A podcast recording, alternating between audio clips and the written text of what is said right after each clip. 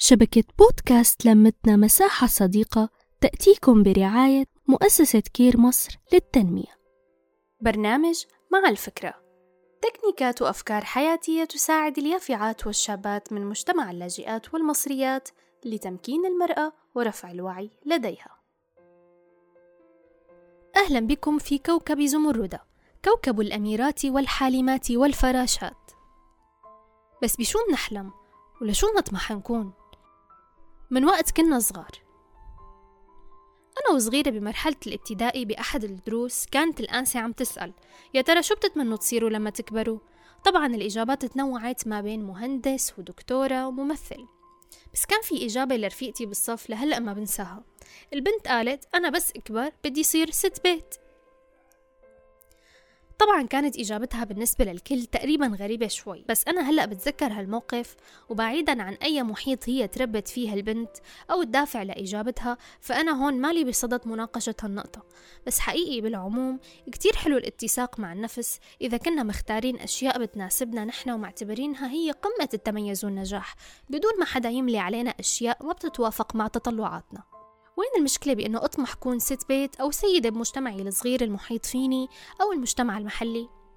عزيزتي المرأة اليوم حندردش شوي بالبداية عن أهم السلوكيات يلي بيتبعوها أهم سيدات المجتمع المتميزات تعلمي من الملكة رانيا للمهندسة زها حديد لكتير أميرات كلياتهم ما تميزوا بالمجوهرات والألبسة بس. هن تلقوا تعليم نمى مداركهم وكانوا مواكبين للحداثة والأفكار والمدارس النظرية والعملية لشتى المجالات. وصدقيني مو بالضرورة تنتسبي لأفضل جامعات العالم لتكوني متعلمة. هلأ بكبسة زر بتقدري توصلي لمقالات منظمة من أفضل جامعات العالم ولكورسات وخبرات مجانية بتكسبك فهم وعلم بالأحداث الجارية من حولك بهالدنيا. يلي لازم عن جد تكوني مكونة فكرة عنهم. تمتلكي الفصاحة والحكمة لتشاركي بنقاشات مختلفة مع سيدات بتطمحي لتكوني علاقات غنية معهم. عملية الاحترام المتبادل ممكن تبدأ من عندك تجاه الآخرين. كونك سيدة في هالشي ما بيتعلق بالتعامل الخارجي بس إنما بيتعلق بإنه تتمسكي بالمبادئ المنيحة من جواتك.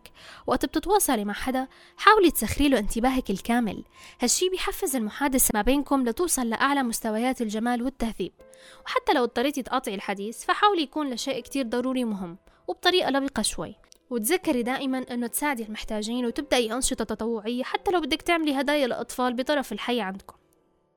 هالتصرف بالذات إضافة للكلمة الحلوة لزوجك لوالدتك أو لرفيقتك. بيكسبك جاذبية خاصة كسيدة متميزة بأي مكان وبأي علاقة أنت فيها. حاولي تخلي كل تصرفاتك وتحركاتك منضبطة أكثر. بمعنى أنك تحاولي ما تستغرقي بنشاط بشكل مبالغ فيه سواء هواية أو مكان أو محادثة. الوسطية بكل شي حلوة. ثانيا حاولي تضبطي تحركاتك ووقفاتك بشكل مستقيم لأنها علامة على كونك سيدة حقيقية. بفهم أنه بأغلب الأوقات ممكن نكون معتادين على التراخي أو متعبين بس مجرد المحاولة هي بداية. حاولي تتحلي بالإتيكيت بالنسبة لكلمات الشكر يعني ما تترددي أبدا بكلمة شكرا أو آسفة بالمواقف اللي بتحتاج هالكلمات مثل هدية بتتلقيها أو استضافة أو مجرد تعبير عن المحبة حتى لو بنوت صغيرة مكتوبة.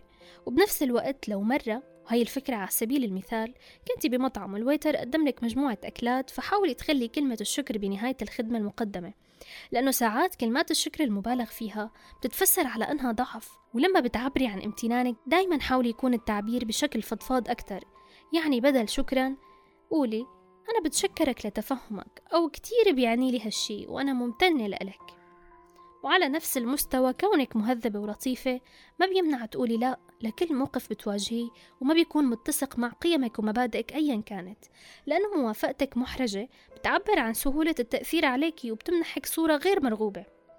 آخر شي حابة أحكيه عن التعامل كسيدة مجتمع لبقة هو أنك تكوني لماحة.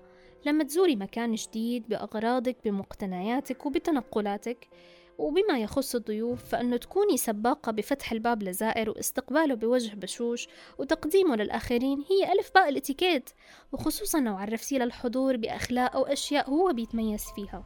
الشيء اللي رح يضفي جو إيجابي للكل. بالنهاية إنك تكوني سيدة مجتمع هي رحلة بتبدأ من اللحظة اللي بتبدأي تنظري لنفسك على إنك إنسان واعي له حقوق وعليه واجبات اتجاه الكل. وتطورك من مرحلة الوعي للإحسان واللباقة واللطف هي أعلى مستويات التهذيب والتميز. كنت أنا معكم صفاء بطحيش ببرنامج مع الفكرة وشوية حب وسلام. نحكي نتشارك نتواصل.